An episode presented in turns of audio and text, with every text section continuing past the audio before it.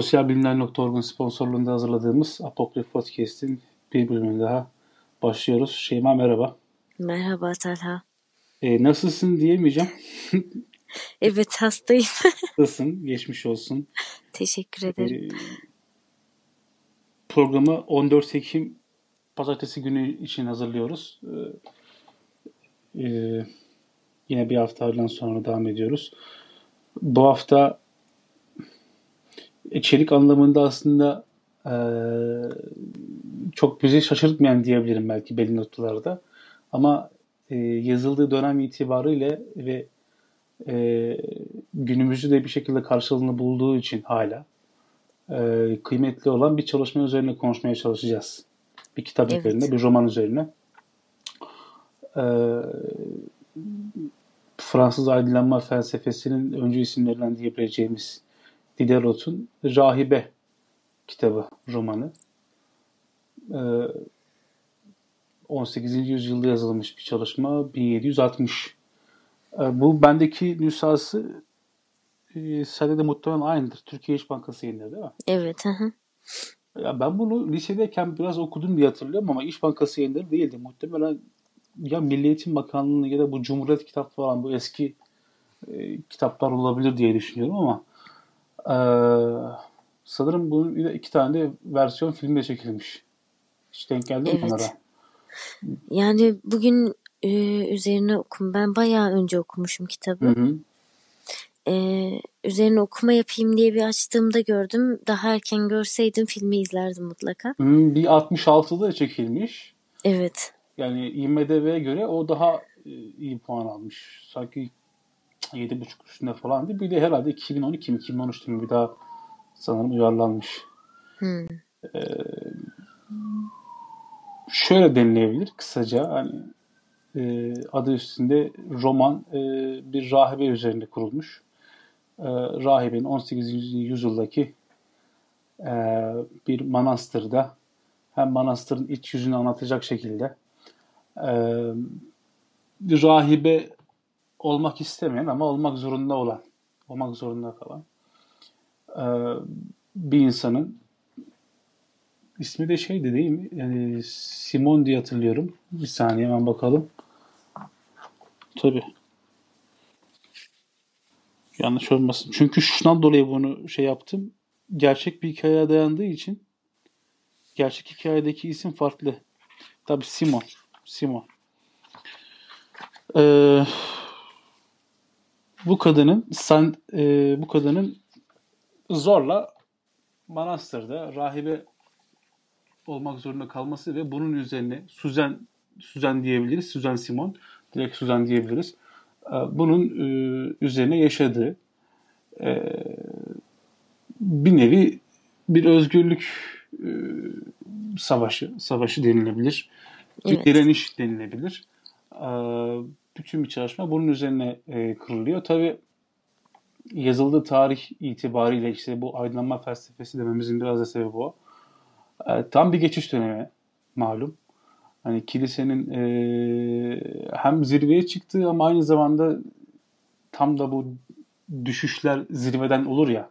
Hı hı. E, yani zirvedeyken ve düşüşe başladığı zamanlar artık bir takım meselelerin sorgulanabilir. Akıl dediğimiz olgunun e, daha gün yüzüne çıktığı ve insan hayatında ve birçok meselelerde artık yavaş yavaş daha e, işler geçer olduğu e, dönemlerde e, hem kiliseye belki bunun üzerinden bir nebze e, din anlatısına karşı e, bir e, eleştiri, acımasız bir eleştiri ve e, hitabeti de kuvvetli, e, üslubu da kuvvetli Diderot'un e, edebiyen de aslında bu yöne kuvvetli oluyor. Hem de e, tam da bu dönemde bir bireyselliğe övgü de denilebilecek şekilde çünkü özgürlük bağlamında konuşursak hı hı. E, bunu anlatan e, bir roman.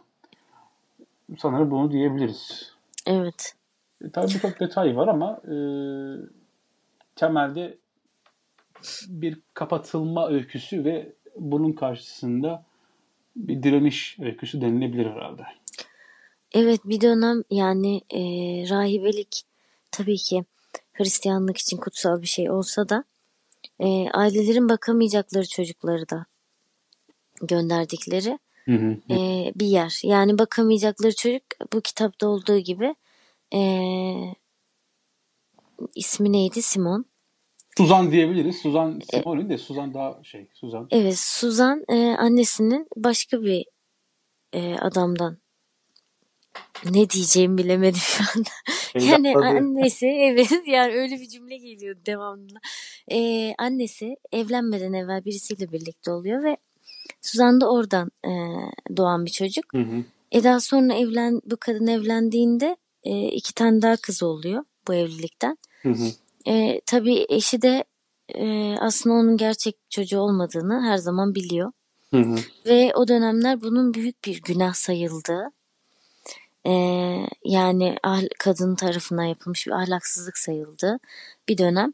E, böyle olunca kadın da bu günahı işlemekten dolayı çok vicdan azabı çekiyor. Hı hı. E, kızına da küçüklükten itibaren hiçbir sevgi göstermiyor. Ve zaten onu e, kiliseye vererek işte rahip olması için zorluyor. Çünkü e, evliliğinden olan kızlarına işte hani çeyiz hazırlayacak, belli bir para bırakacaklar vesaire. E, bu babası gerçek babası olmadığı için kadın ben böyle bir şey talep edemem. Hani bu haksızlık olur onlara karşı. Ben bir günah işledim. Bu yüzden bu günahı Kefareti Ee, mi? evet kefareti olarak bunu yapmak zorundayız. diye kızını buna gönderiyor. Ve e, şöyle bir şey oluyor. Yani kız bunun içerisine bir anda düşmüş oluyor. Bazı şeyleri baştan kabul ediyor gibi oluyor ve sonra işte o kabul ettiği şeylerden kurtulamıyor bir türlü. Hı hı. Bildiğin hapishane gibi bir döngü yani bu.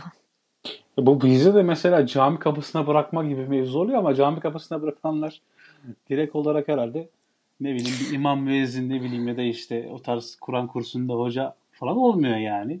Yok yok herhalde bizdeki hani onlar vicdanlı olur. Ama bizde şöyle bir şey oluyor. Eğer kıyaslanacaksa şayet e, bizi de bir takım cemaatlerin, tarikatların e, bünyesine e, artık bırakılan diyelim. Eti, eti senin, kemiği de senin diyerek falan Evet. e, bırakılan insanlar var. E, onlar belki Dideros'un romanındaki rahipten de belki farkları yok o çocukların.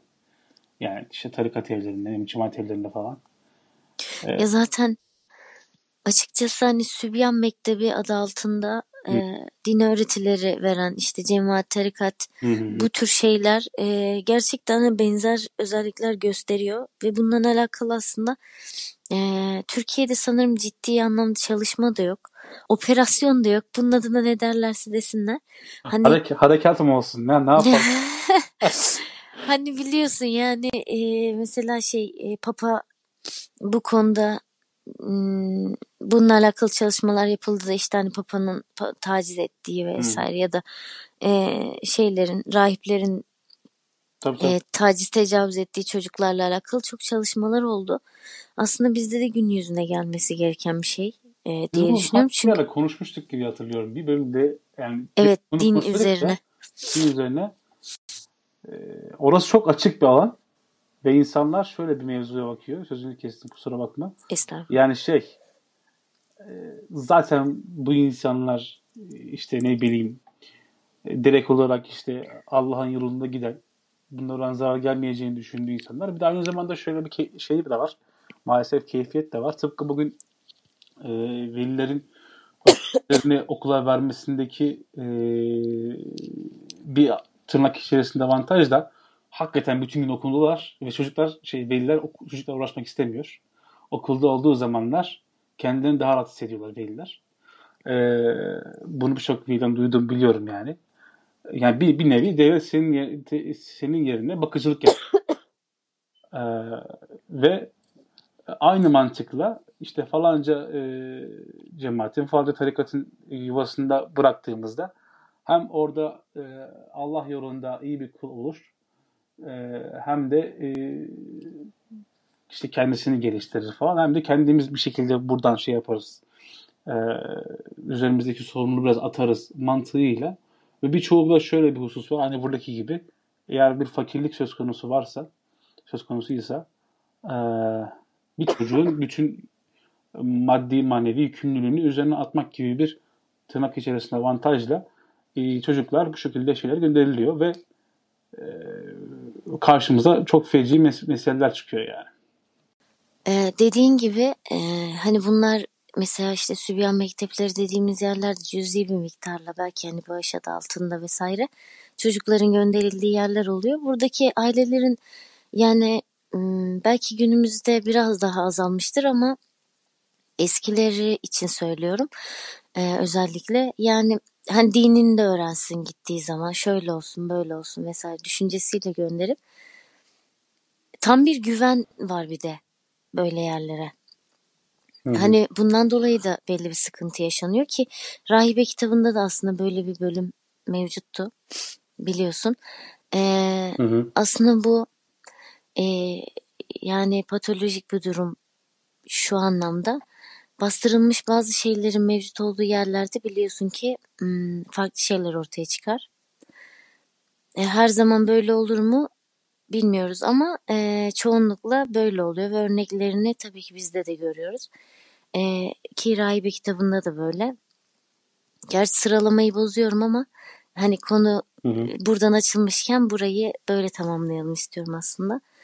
E, yani kitapta artık e, Suzan, Suz ben yabancı Suzan. kelimelerle olan şeyim. Suzan e, hani bayağı kurtulmaya çalışıyor kiliselerden vesaire. Hani bunu yasal yollarla da yapmaya çalışsa bir şekilde başaramıyor. Ve gerçekten çok sıkıntılar çekiyor. Hani oralardaki e, statü rahibelerin birbiri üzerinde kurduğu şey hı hı. ve zorbalıklar bunları da e, çok iyi yansıtmış kitap. E, ve işte e, kiliseler arasında hat, iki kilise mi değiştiriyordu? Yoksa bir tane evet. mi? Ya iki kilise değiştiriyor sanırım. Kilise. Bir başta bir yer sonra bir başka yere evet, gidiyor. En son geldiği yerde zaten hani baş rahibe e, kadınlara ilgi duyan birisi. E, ve gerçekten de bunu çok büyük bir aşkla yapıyor. Yani kitap müthiş işlemiş onu o anlamda. E, bu tür şeyleri de e, çok fazla görüyoruz. Hani çünkü özellikle e, rahibelik veya rahiplik kurumunda biliyorsun cinsellik yasak olan bir şey.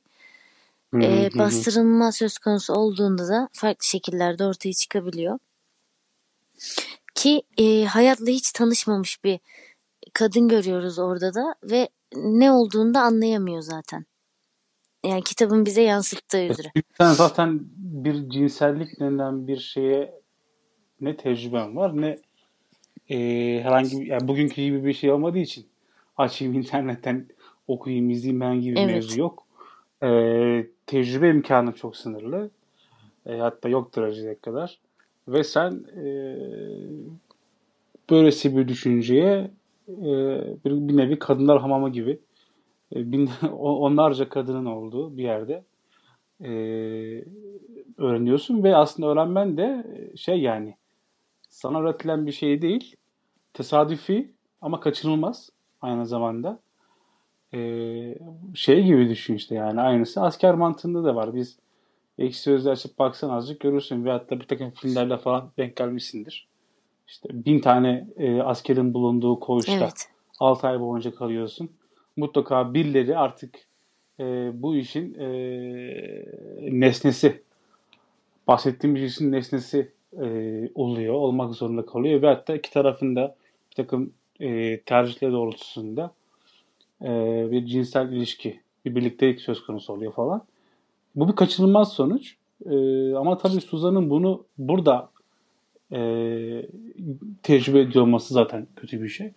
Ama muhtemelen de e, Türkiye'de ve dünyada da mesele aynıdır. E, dini sınırlar içerisinde ya da dini anlatının hakim olduğu alanlarda e, bu bastırılmışlık duygusunun e, patlaması çok daha hızlı, çok daha mümkün e, ve işin daha kötüsü e, halı altına süpürülmesi çok daha yaygın. Çünkü genelde hakim ideolojiler e, devletler ya da toplumdaki hakim e, din anlayışı e, bunların önünde bir kalkan görevi görüyor. Ya biz Türkiye'de bunları çok e, net gördük. Dünyada da gördük. işte sen de bahsettin e, Vatikan'da e, bu meseleden dolayı e, aforoz edilen, işten çıkartılan ya da işte ne bileyim göz ardı edilen binlerce e, papaz isim var. Bunun üzerine yapılmış filmler var falan. E, Türkiye'de de aslında mevzu çok farklı değil.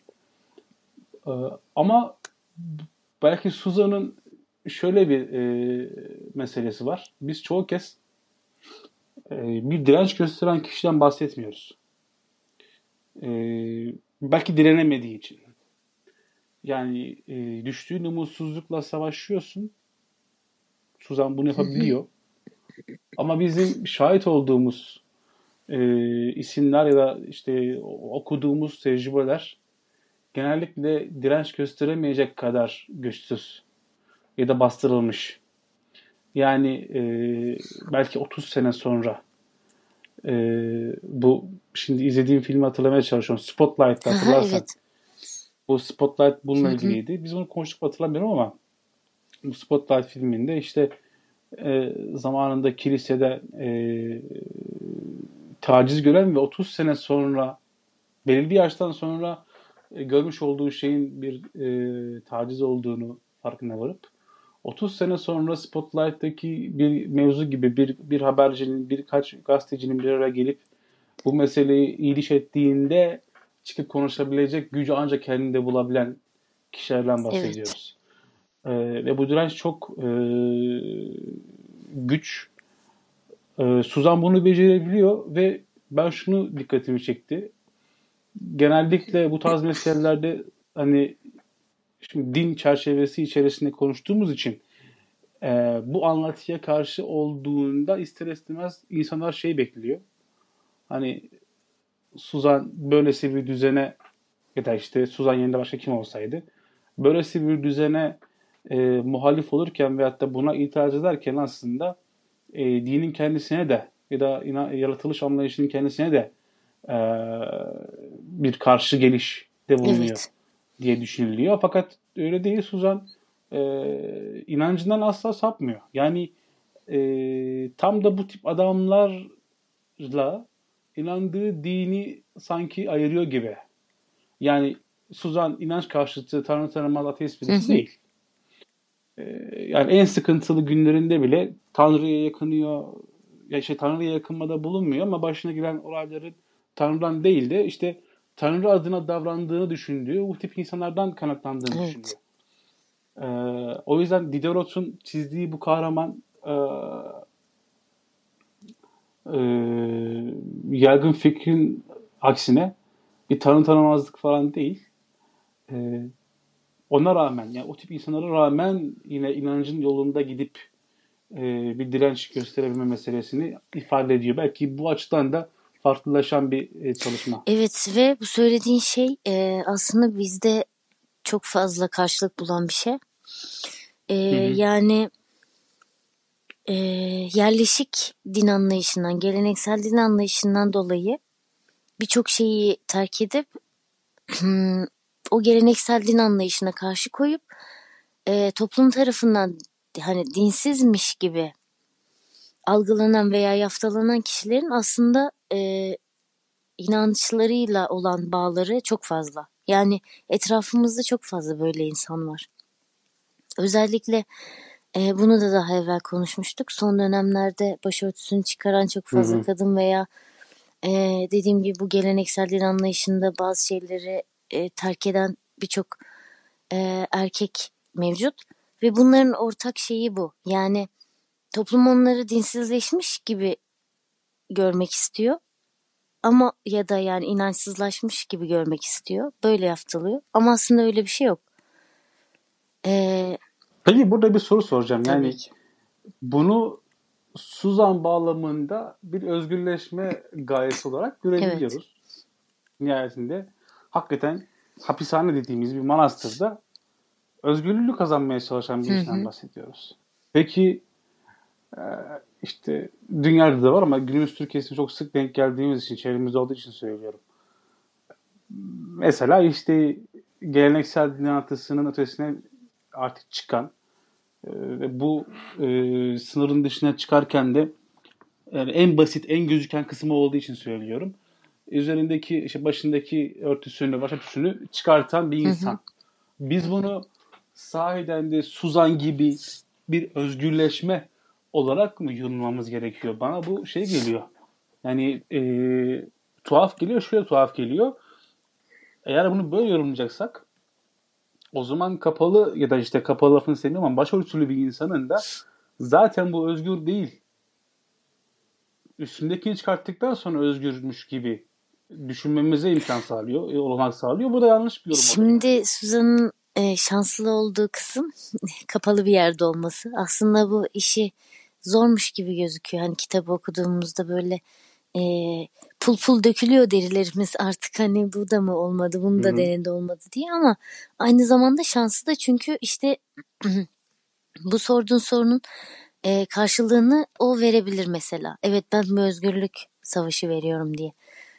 Toplumsal olarak şöyle bir durum var ki o e, rahibeler arasında da geçerliydi.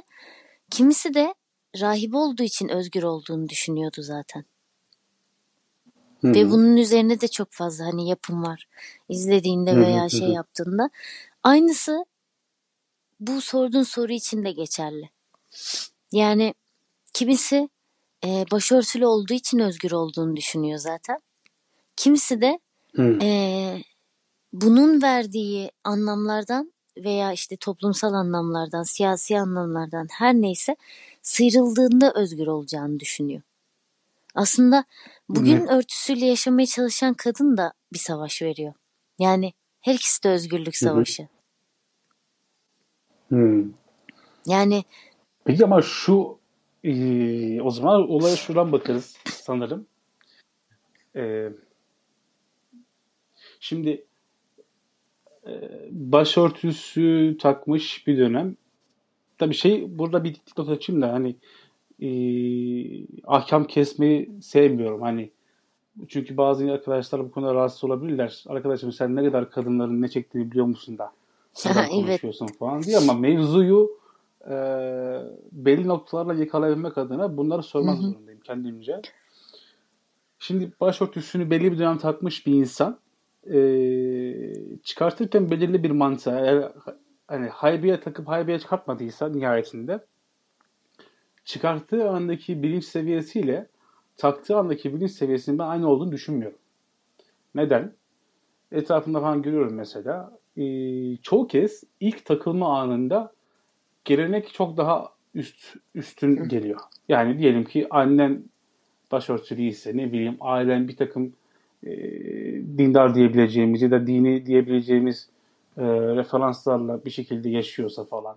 Evde birçok kişi yine kuzendir, şudur budur kapalıysa, başörtülüyse e, sen de sanki belli bir yerden sonra e,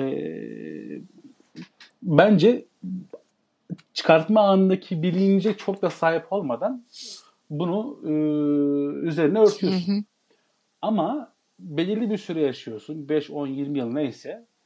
E, çıkartma anında bu 20 yıllık tecrübeyi de üstüne katarak bir girişteki e, bunu kuşanma bilinci var. İki, 20 yıllık tecrübe var ve bu 20 yıllık tecrübenin sonunda bu iki tecrübeyi de bir araya getirip ölçüp tartarak evet ben artık bu sembolün, bu simgenin ifade ettiği her neyse bunların artık benim için bir öneminin kalmadığını düşünüyorum deyip bir e, bundan e, kurtulma, bunu atma gibi bir bilinç var. Buradaki ikinci aşamadaki çıkarmadaki bilinç bence çok daha tırnak içerisinde eğer bunu özgürlük yorumlayacaksak bence daha çok daha özgürlükçü bir e, bilinç gibi gözüküyor bana. Şimdi e, böyle işin bu yanı var bunu kabul ediyorum ama diğer yanı da var. Hani belli bir yaştan sonra e, kapanan bir sürü kadın var ve bunlar da bunu bir bilinçle yapıyorlar.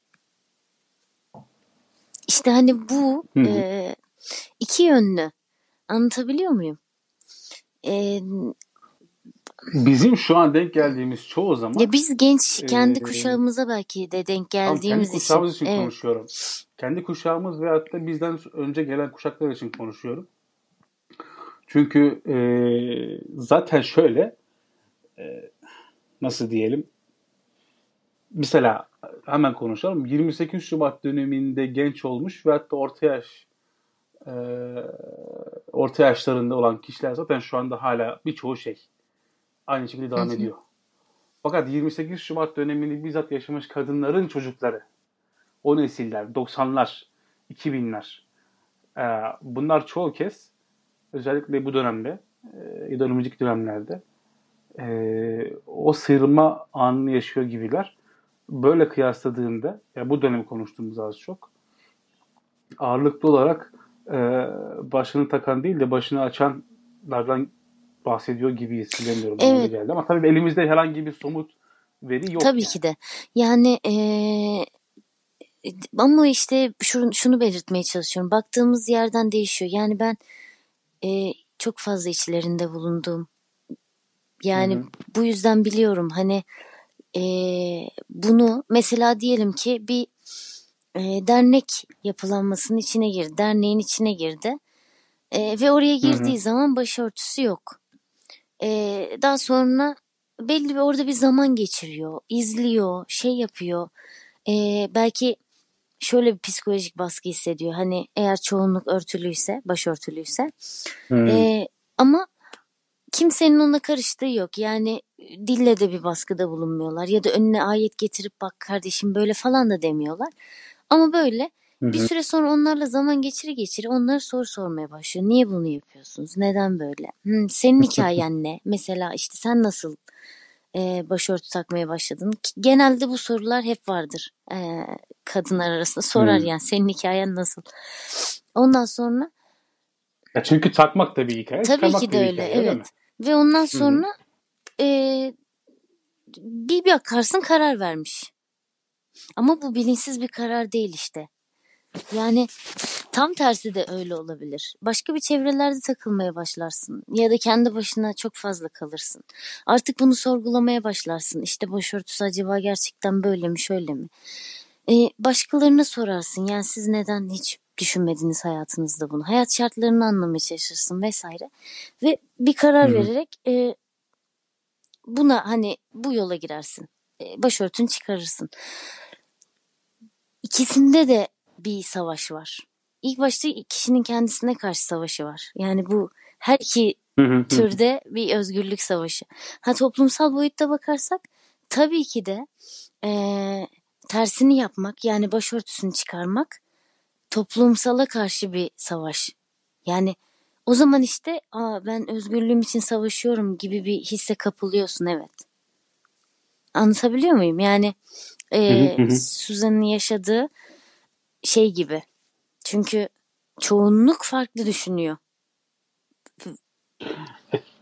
Suzan zaten bir önce kendisine karşı direniş yapıyor. Yani mesela bu şeyi biliyoruz hani e, neden diyor mesela e, atıyorum kaç defa diyor karma karışık düşünceler arasından yeniden fırlayıp e, bu çektiklerime son vermeyi istedim evet. diyor. Ama diyor işte bunu yapmama engel olan neydi diyor. Ya burada mesela işte ya da ne bileyim kaç defa diyor manastır yakmayı düşündü falan diyor mesela. Ee, bir burada zaten kendi içerisinde bir direnç var. Evet yani. E tabi burada o direnci de aşan e, bize bizim açımızdan toplum, onun açısından manastır. O da bir e, düzene karşı, bulunduğu sisteme karşı bir direnç var şüphesiz. Evet yani e, o yüzden hani belki çoğunluğa karşı yaptığımız şeylere mi özgürlük diyoruz acaba? Ki Evet işte bu bu bu e, kaycıder bir soru. E, düşünmekte fayda var. Yani yaşadığımız bir şey. Bu yalnızca din bağlamında değil. Onun da altını çizmek Hı-hı. lazım. Ee, kitapta çok güzel bir bölüm vardı. Bölümü kaybetmişim. Halbuki arasında bir şey koymuştum. Onu böyle bir buçuk sayfa birebir aktarmak istiyorum aslında. Sorun olmazsa. Yok sorun değil. Sayfayı söylersen ben de evet, belki... Evet buldum. Ee, 88. Hı hı. Şöyle başlıyor. Keşişliği ve rahibeliği Hazreti İsa mı oraya ortaya attı? Kilise evet. bunlarsız olmaz mı hiç? İsa'nın bu kadar çılgın bakireye, insan türünün de bunca kurbana ne gereksinimi vardı? Gelecek kuşakların içine yuvarlanıp mahvolacakları bu uçurumların ağızlarını daraltmak gerektiği asla anlaşılmayacak mı? Buralarda göre, göreneğe uyularak yapılan duaların topunun bir yoksula sadaka olarak verilen bir metelik kadar değeri var mıdır? İnsanı toplum halinde yaşamak için yaratmış olan Tanrı, böyle kapalı yaşamasına razı olur mu? Onu bu kadar değişken, narin yaratan Tanrı, böyle aşırı dilekler, dilekler ileri sürmesine izin verir mi? Doğanın genel akışına o kadar aykırı olan bu yeminleri, eğer bugünkü bilgilerimiz insanların dış yapıları kadar içlerini de tanımaya elverişli olsaydı haklı olarak canavarlardan saymamız gerekecek olan yüreklerinde duygunun tohumunu kurumuş, doğal düzenleri bozulmuş yaratıklardan başka kim yerine getirebilir ki? Ay kafam o kadar şey oldu ki bir anda hızlı okuyunca. Bir kadını manastır yaşamına veya mutsuzluğa atarken yapılan o kasvetli tören, insandan hayvani işlevleri söküp atabilir mi? Tersine bu hayvani eğilimler sessizlik içinde, baskı altında, aylakça ömür sürenlerde birçok eğlence olanağına sahip olan dış dünyadakileri hiç tanımadığı bir şiddetle uyanmaz mı? Çok güzel şeylere değiniyor burada gerçekten. Yani araya giriyorum. ee, burada bahsettiği şey muhtemelen hani insanın e, içi kendinde var olan cinsellik eğilimi ve e, eğlenceye düşkün yani hazza düşkünlük her koşulda yani bunu eğlenerek de e, elde etme olsun cinsellikle de elde etme olsun bu hayvani şeyleri e, bastırmanın daha e, şey bir şekilde ortaya çıkacağını, şiddetle uyanmayacağını hani bunu nasıl düşünemezler? Müthiş bir nokta bence. Devam ediyorum. Rezilce hayaletlerin hı hı. saplantısıyla sürekli tedirgin kafalar başka nerede görülür? O derin can sıkıntısı, o soluk yüzler, o sıska bedenler, doğanın eriyip sönüşü başka nerede görülür? İniltilerle dinginliği bozulan geceler, nedeni bilinmeyen kederin ardından sürekli gözyaşlarıyla geçen gündüzler başka nerede görülür? Doğanın yasasına aykırı baskılar karşısında çılgına dönen, bütün engelleri yıkan, zincirlerinden boşanan hayvanca duygularla düzeni alt üst ederek baş kaldıran başka nerede görülebilir? Keder ve öfkenin tüm sosyal nitelikleri yok edişi başka nerede görülebilir? İnsan başka nerede anasız, babasız, akrabasız, dostsuz yaşar? Kinin, nefretin, bunalımların böylesine yoğunlaştığı başka nerede görülebilir? Hırsların sessizlik içinde için için kabarışı başka nerede görülebilir? Hiç sönmeyen kinler başka nerede görülebilir? Bunca zulüm ve gözaltı başka nerede görülebilir? Böylesine despotluk ve kölelik başka nerede görülebilir? Mon Manueri, böyle okuyacağım herhalde, savunmamda bu manastırların tarihinin bilinmediğini söyleyerek şöyle diyordu. Yoksulluğu yeminle kabul etmek, tembellik ve hırsızlık yolunu tutmaya yemin etmek demektir. Bakire kalacağını yemin etmek ise Tanrı'ya, onun en bilgelikle kurulmuş, en önemli yasalarına durmadan karşı gelineceğini söz vermek demektir. Boyun eğeceğini yemin etmek, insanın özgürlüğünü, bu elden bırakılmaz üstünlüğünü inkar etmek demektir. Bütün, bütün bu dilekleri yerine getirirse insan suç işlemiş, getirmezse günahkar olur. Manastır hayatı bir yobaza ya da iki yüzlü birine yakındır. Bunu aslında ben de çizmişim. Ee, ilk kısımlardaki e, serzenişler veyahut da isyan girişimleri aynı bizim gidevizlerim diyebiliriz. Ee, yaygın din anlayışına karşı olan tutumumuzla ilgili. Yani Hz. İsa mı attık rahibiyle, keşişle, kilise bunlarsız olmaz mı hiç? Bugün insanlar e, bir takım işte e, cami imamlarına bakıp senin arkanda namaz kılacağıma namaz kılmam diyor. Evet. Ee, aynı mantık, aynı isyan. Ee, ya da işte hakim din anlayışı Türkiye'de az çok malum. Ee, Sünni, milliyetçi, mukaddesatçı, Hanefi mezhebine e, ait. E, bunların dışında kalanların zaten hep bir e, dışlanması demeyeyim de e, günahkar olarak görülmesi meselesi de e, tıpkı bunlarla aynı. Öte yandan e, bu büyük alıntının altında hem ezilen hem de bu büyük anlatının e, bir nebze içinde kalarak, sınırlarında kalarak inancını sürdürmeye çalışmanın e, zorluğu da var. Ben buradan hı hı, biraz bunu evet. anladım. Ee, hani hep şey derler işte e, işte atıyorum imama kızıp da şey falanca partiye kızıp da dinden olma falan derler ya. Çok denk gelmiştim evet, son dönemde. Ben bu, bu, bu şeye çok denk geliyorum Türkiye'de. Ee, falanca partiye kızıp dinden olma, inancından olma falan filan. Ee, bu hani bir, bir çıkmaz mı? Şey açısı çok hani başka bir alternatif yok mu? Başka bir alternatifin olmayışı yani Suzan evet ben demiyorum ki inançsızlık bir başka alternatif olsun ama Suzan e, eleştirdiği düzenin içerisinde yine özgürlüğünü arıyor evet. ya. Aramak zorunda kalıyor. E, çoğu kez bizde de öyle oluyor bu. E, buraya bir e, dipnot açacağım. E, Sokrates öncesi filozoflar diye bir ders var. Orada bir mevzu geçti. E, Anaximandros, işte Sokrates'ten önceki filozofların bir tanesi. E, yanlış bilmiyorsam Anaximandros işte milattan önce e, doğmuş yaşamış birisi ve bir filozof. E, ondan bize kalan bir fragman var, bir kırıntı var, bir cümle, iki cümle. Bu iki cümle felsefe tarihinde e, hani bugüne dek kalan tek ilk pardon tek değil de ilk ilk cümle. Ee, bunun üzerine konuşacağız bir işte önümüzdeki günlerde. Onu okuyorum birkaç gündür. Şimdi onu aklıma getirdi. O cümleyi kurmak istiyorum. Anaximandros diyor ki e, var olanlar nelerden meydana gelmişlerse zorunlu olarak yok olup ona dönerler.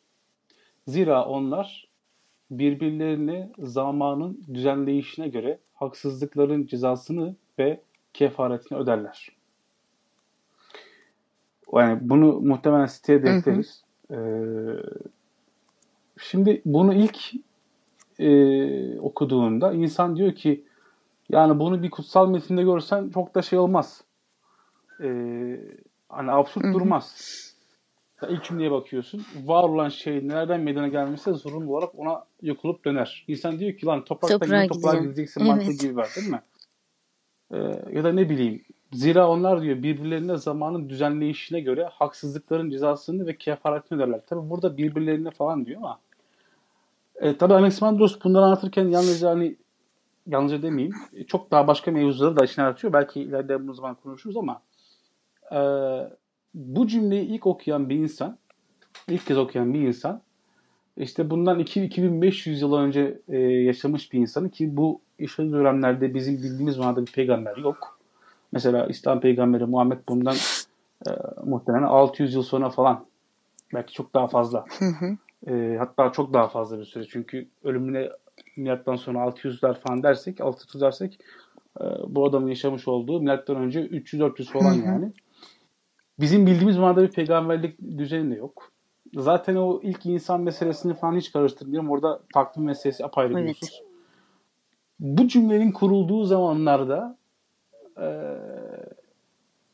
dışarıdan Anaximandros'un ne anlattığına dair herhangi bir okuma yapmamış bir insan diyor ki Anaximandros da olsa milattan önce 400'de de yaşasan bir insan olsan dönüp dolaşıp e, inanç temelli bir meseleye e, yolunu e, yaslıyorsun ve hatta o yoldan geçmek zorunda kalıyorsun. e, aynı Suzan'ın ya da işte e, bu anlatmış, bu okumuş olduğun anekdottaki metinlerde de bana bu hissiyatı e, e, dile getirmeme olanak sağladı. Çünkü sanki ikinci bir alternatifimiz yok gibi. Bize sunulan şey ya biz çıkamıyoruz bu işin içerisinden. E, buna evet temelde belki bir varoluş sancısı denilebilir ama bu kadar basit değil. E, ne kadar savaşırsak savaşalım, ne kadar özgürlük yolunda bir direnç göstereceksek gösterelim, sanki yine dönüp dolaşıp aynı yolun e, yolunda, aynı e, sularda yüzüyormuşuz, yüzmek zorunda kalıyormuşuz gibi geliyor bana. Ve bu ne kadar bu sefer özgürlük oluyor, bu ne kadar direniş oluyor, emin ol e, hiçbir bilgim yok. Yani hiçbir yani, tarif edemiyorum yani bunu. İşte buna e, ben zincirler diyorum. Ya ben demiyorum tabii ki bunu daha evvel birileri söylemiş de bu tabiri çok severim. E, özellikle e, yurt dışına yaşamaya gitmiş mesela Türkiye'li birisi. Ya yıllar Hı-hı. evvel gitmiş yaşamış. İşte gittiği zaman nasıl bazı şeyleri özlem duyduğu, orada aynı özelliklerini gösterdiği. Mesela bir Türk bir Türk'ü yurt dışında illaki tanıyor Hı-hı. belli şeylerden dolayı vesaire. Hı-hı. Şimdi bu genetik hafıza ayrı bir şey, toplumsal hafıza ayrı bir şey ama sonuçta birer zincir olarak bizde mevcut. Ee, ben bunları böyle görüyorum. Yani biz bu meselelerin içerisindeyiz. Ee, böyle etrafımda şu tür insanlar da vardı. Ya, din meseleleri ya kardeşim işte şöyle böyle tamam tanrı falan yok ne diyorsunuz ne konu hani her şeyi göz ardı edeyim. Her şeyi ha, halletmiş aynen. bitmiş. Göz ardı edeyim böyle biraz da mizahla onu hani saygısızlık da edeyim karşı tarafa ve kapansın gitsin yani şöyle. E, bunu çözememiş insanlar da onun gözünde birer aptal hani bu yolu sürdürmek. Ya her şey bu tipler olur ya böyle başka bir şeyden bahseder ya sosyalizm ya işte hani şeyle böyle falan. Bütün e, şeylerin cevapları evet. bende. Her şey yani bir kere bundan asla e, kaçamıyorsun. Yani mesela e, ben sosyoloji mezunu bir insanım. E, bunda da devam etmeye çalışıyorum. Demek ki benim hele bundan hiç kaçma gibi bir lüksüm yok kişisel olarak da. Ama bundan kaçamıyorsun. Yani mesela sen de insana dair bir şeyin içerisindesin. Hı hı. O yüzden hani toplumun geneline hakim olan şeyleri göz ardı edeme, edemeyiz. Yani belli oranda bilmek zorundasın. Topluma bugün ne veriyor ne vermiyor bilmek zorundasın. Ya da ondan neler alıyor bilmek zorundasın. Ee, biraz onların dilinden konuşmak zorundasın. Biraz kendi dilinden anlatmaya çalışmak zorundasın. Yani anlatabiliyor muyum ne demek istediğimi? Burada Hı-hı. bu çıkmazlar dediğimiz, bu dönüp dolaşıp aynı şeylerin etrafında dönmek dediğimiz şey aslında bundan ibaret. Çünkü e, bundan kaçmaya da çalışsan, yani nasıl diyeyim kilisenin dışına çıkmaya da çalışsan, toplumun dışına çıkmaya da çalışsan yapamıyorsun. Çünkü onunla yaşıyorsun, onunla yaşamaya devam ediyorsun. E çünkü herhalde e, yıl 2019'da olsa e, inanç kavramının kapsadığı değerlerin e, yarattığı boşluğu doldurabilecek inanç kadar kapsamlı bir şey yok gibi. Evet. Ama bu inanç tabii ki din, yalnızca dinsel bir inanç meselesi değil şüphesiz. Ama e, işte bunun yeri dolmayınca hani işte ne bileyim ilk felsefi metinlerde falan mesela bugün şeyi okuyorum. Ee, Sokrates'in Menon e, diyaloğu var. Daha Platon'un ama Sokrates konuşturuluyor. Yani erdem meselesi üzerine konuşuluyor. Ee, işte Sokrates'in e, bir takım e, rahiplerden ve rahibeler rahipliler ve e, rahibeleri e, bunların söylediği bazı hususlar doğru olması mümkündür deyip e, dolaylı da olsa e, tavsiye ettiği ki bazı yerlerde çok ötesin peygamber olduğu falan evet. e, bunlara şahit oluyorsun. E, işte öyle metinler karşılaşıyorsun ki mesela e, bu diyorsun işte şeyde var ya işte ben bunu İncil'de okumuştum falan diyorsun. Ee, ben bunu işte Kur'an'da okumuştum. Bu aslında bildiğin tamam ayet ya bizdeki işte Alevlikteki şunla benzer falan diyor yani. Bu tarz şeylere falan denk geliyorsun. Ee, 2500 yıllık ya da işte ilk insan ne zaman doğmuşsa çünkü orasını bilemiyoruz. Hani Adem İslam'a göre Adem tamam hangi yıl ama bilmiyorum. Ya sıfır mı bir mi? Nedir yani? Çünkü oradaki başlangıç e, sorunu. Evet. E, o günden bugüne e, böyle bir anlatı var. Bu anlatıyla mücadele sürekli var. Bu anlatı kesilmeyecek. Bu anlatı bu anlatıyla birlikte özgürleşeceğini düşünenler de olacak. Bu anlatıya rağmen veyahut da bu anlatının karşısında alarak da özgürleşebileceğini e, düşünenler var. Benim için burada kıstas sanırım şu olacaktır sadece. Esaslı manada e, soru sorup, hakikaten ciddi sorular sorup kendisine e, cevaplarında bu direnci ve bu savaşı verenler, kendisini ikna edenler e, sanırım burada başarılı olacak. E, ya, da bu daha kıymetli. Bunun sonucu ne olursa olsun. Bunun sonucu radikal bir dindar dahi olsa eğer bu soru ve cevapların karşılığını kendince verebiliyorsa o daha kıymetli oluyor. Ee, bu Sokrates'in Menon diyaloğunda e, bir meşhur bilinen bir e, husus var. E, Sokrates, şey, Menon'un bir kölesi var. Sokrates bu köleyi çağırıyor ve bir takım sorular sorarak geometri öğretiyor. Ya geometride bir soru çözdürüyor. Abi köle bilmiyor. E, yani matematiği bilmiyor, geometriyi bilmiyor. Fakat Sokrates sadece bazı sorular sorarak o köleye bir matematik e, denklemi, bir geometri denklemini so, e, çözdürebiliyor. Diyor ki işte bu böyledir doğru mu? Doğru. Ya da bu böyle mi? Falan. Yani doğru mu? Haklı mıyım? Haksız mıyım? Şu mu bu mu? Sadece soru sorarak. Belli bir yerden sonra e, tabii çok daha başka mevzu başka meselelere gidiyor da işte e, atıyorum Erdem'in e, doğuştan gelen bir şey mi yoksa öğretilebilir mi olduğu sus falan denk geliyor ama burada şunu anlıyorsun.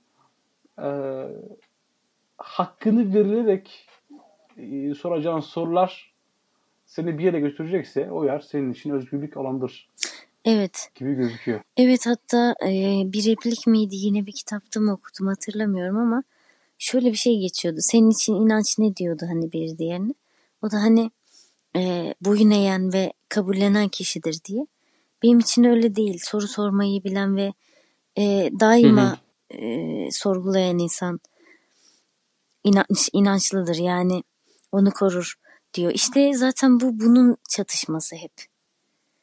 Ya bu hı hı. hep böyle devam edecek. Ama dediğin gibi hakkını vermek önemli. Biraz belki de e, bazen bu geleneksel din anlayışı diye ayırdığım kategori ve dünyanın her yerini sarmış bence. E, hani bu şey e, partiye sövüp dini falan dedin ya aslında bu şeydi yani dindara bakıp e, dine sövülmez diye.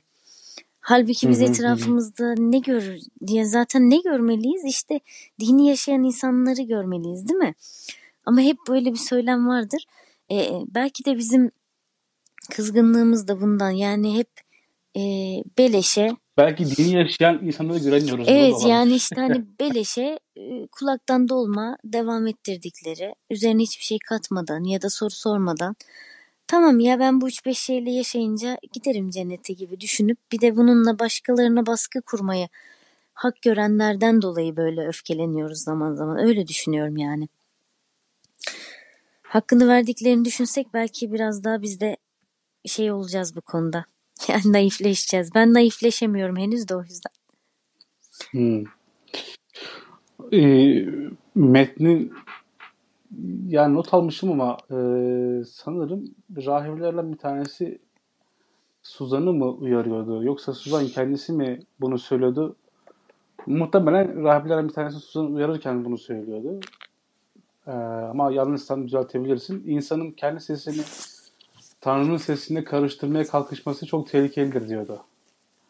Bir yerde. Ee, bunun altını çizmemişim. Bilgisayarıma hmm. Oradan baktım. Rahibelerden biri diyordur bence onu. Muhtemelen hmm, insanın kendi sesini Tanrı'nın sesine karıştırmaya kalkışması tehlikelidir diyor. Ee, bir arada yani biraz karıştırıp e,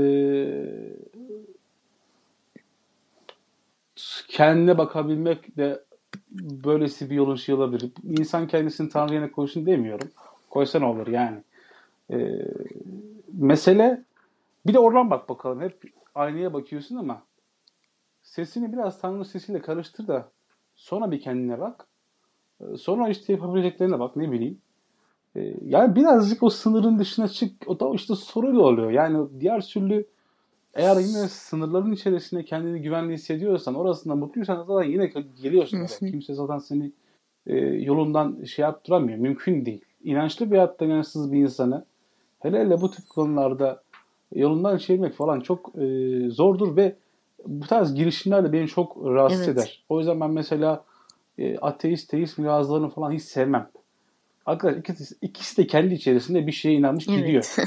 e, niye birisi öbürüne e, üstünlük ya da ağırlık tasasın veyahut da e, kendi inandığı değeri tebliğ etmeye çalışsın ki? Bir anlamı yok. Ama e, aynı e, yerde mutlu olacaksan da ara sıra bir sesleri bir karıştır, bir sınırın dışına çık, geri gel. Sonra yine devam et. Belki orada da daha farklı bir husus vardır yani. Evet. Bu her iki taraf için geçerli. Yani benim soru sormaktaki meselem biraz da buydu yani. Ara sıra sesimiz Tanrı'nın sesine karışsın. İyi olabilir. Evet zaten felsefede yani konuyu çok farklı bir yere çekmeyi amaçlıyorum bu gireceğim noktayla ama bir e, savunu vardır. E, Tanrı'nın bilmesi üzerine yani Tanrı'nın bilmesi nedir tartışması olur. Ve Tanrı'nın hmm. bilmesinin insanın kendini bilmesiyle aynı şey olduğunu savunurlar. Ee, yani aynı şey derken e, insanın kendini bilmesinin ne demek olduğunu yani ne kadar zor bir şey olabileceğini tahmin edebiliyorsun. Yani bu aynaya bakarak kendi bedeninin sınırlarını görmesi vesaire değil. Çok daha üst bir bilgi ve e, Tanrı'nın kendi Tanrı'nın bilmesi e, kavramının da öyle. Yani şöyle bir şey var. İşte hani bu Tanrı'nın sesine karışması vesaire diyoruz ya. Biraz aslında hmm. bu kendini bilmeyi, e, kendi içsel sınırlarımızı keşfedebilmeyi, kendimizle meşgul olmayı öğrenmek zorundayız. Ama e, doğduğumuz andan itibaren e, bizden alınan bir şey bu. E, önce ailenin sınırlarını öğreniyoruz. E, ya inan hani o bilinçaltımıza yerleşen o psikolojik e, evrelerimiz var ya işte ama bilinçaltına yerleşen diyorum tabii. E, biz bilinçle eylemeye başladığımız andan itibaren önce ailenin sınırlarını öğreniyoruz. Daha sonra e, ki bizde öyle olur. Çoğunlukla 6 yaşından itibaren dini de sana vermeye başlarlar. E, hiç hiçbir zaman anlayamayacağın yani o yaşlarda anlayamayacağın bir şeyi e, ile alakalı bazı şeyler kurallar öğrenmeye falan başlarsın. E, Ne bileyim işte sure okuyayım şöyle olsa bak bunu da ezberledi teyzesi hadi okut falan derler. E, daha sonra yavaş yavaş başka şeylerin sınırlarını öğrenmeye başlarsın. Mahallenin sınırını öğrenirsin. Şunu öğrenirsin. E, vesaire ve kendine çoğu insan zaten vakit bulamaz. Özellikle e, ortalama bir ülkede yaşıyorsan asla böyle bir lüksün yok. Hani koşturmacadan temel ihtiyaçlarını giderebilmek için çalışmak zorundasın ve e, bir yerden hı hı. sonra kendi sınırlarını, kendinlik acaba ne demek bunu hiçbir zaman düşünmezsin. E, hı hı. Tabii ki de bu bir suçlama değil. Koşullar insanı var eden şeyler olmaya başlayınca bu böyle oluyor.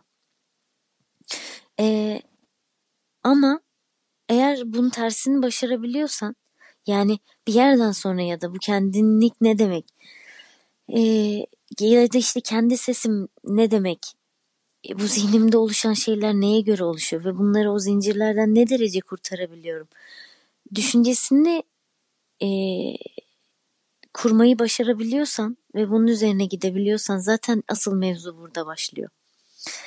E, hı hı. O zaman karşıtını da anlayabiliyorsun e, onun içerdiği şeyleri anlayabiliyorsun, koşullarını anlayabiliyorsun ve e, kendi dışına da çıkıp bakabiliyorsun, kendi içine de girip bakabiliyorsun aslında. Yani bu bahsettiğim şey çok e, kişisel ve zorlu bir mevzu. Çünkü kişisel olmasının sebebi toplumsal olan yine bunu alt etmiş. E, ve toplumsal olan her zaman bir sürüklenmeyle devam etmiş. Yani e, ya bu okuduğumuz metinlerde de bize aktarıldığı üzere izlediğimiz şeylerde de geçmiş dönemde her zaman farklı düşünenin, farklı düşünmeyi isteyenin yani daha çok kendine yaklaşmayı arzulayanın e, zorlandığı e, nasıl diyeyim akıntıya karşı yürümek işte yürüme çabası, yüzme çabası bu.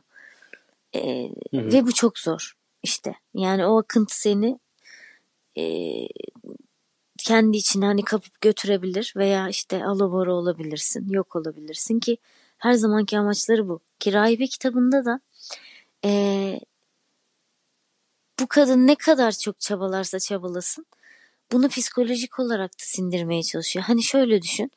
Toplumsal olarak toplumun hoşuna gitmeyeceği bir şey yaptın. Nasıl diyelim? Ee, bekar bir insansın ve birisiyle birlikte yaşıyorsun. Ne yapar Hı-hı. komşuların? Seni ahlaksız gibi gördüğü için işte tehlikeli ya da gördüğü için e, bütün apartmanı aşure dağıtırken mesela senin kapını çalmaz e, yolda görüp selam verip gülümsemeye çalışsan e, gülümsemez. Selamla. Evet selamını almaz. Vesaire bunların ve sana psikolojik bir baskı yapmaya başlar. Yani sen orada yalnızlaşırsın. E, oradan gitmeye falan kalkışırsın. Ya da sana fiziksel olarak da bir şey yapmaya çalışabilirler. Çünkü bunu yaşayan e, bazı kişiler var. Mesela eşcinsel e, tek başına yaşamaya çalışıyor e, bir ev kiralamış. Hı. Kapısına pislik sürenler, çöplerini oraya dökenler. E, ne bileyim camlardan hani yüksek sesle konuşarak e, aşağılamaya falan çalışanlar. Hani cam kapı açık, yukarıki komşun seni aşağılıyor, sen duyuyorsun bunu vesaire. Ya da bir şey yapmanı bekliyorlar ki seni şey yapsınlar. Aynen e, kitapta kadının yaşadığı gibi yani bundan e, kurtulmaya çalıştıkça yemesini içmesini kesiyorlar. İşte döşeklerini yatağındaki döşeği alıyorlar. Ne bileyim kıyafetlerini yıkamıyorlar temizliği. Yani aslında burada küçük bir e, kilisenin içinde anlattığı şey aslında bizim kocaman toplumumuz. Yani bizim dediğim dünyada var bunun örnekleri.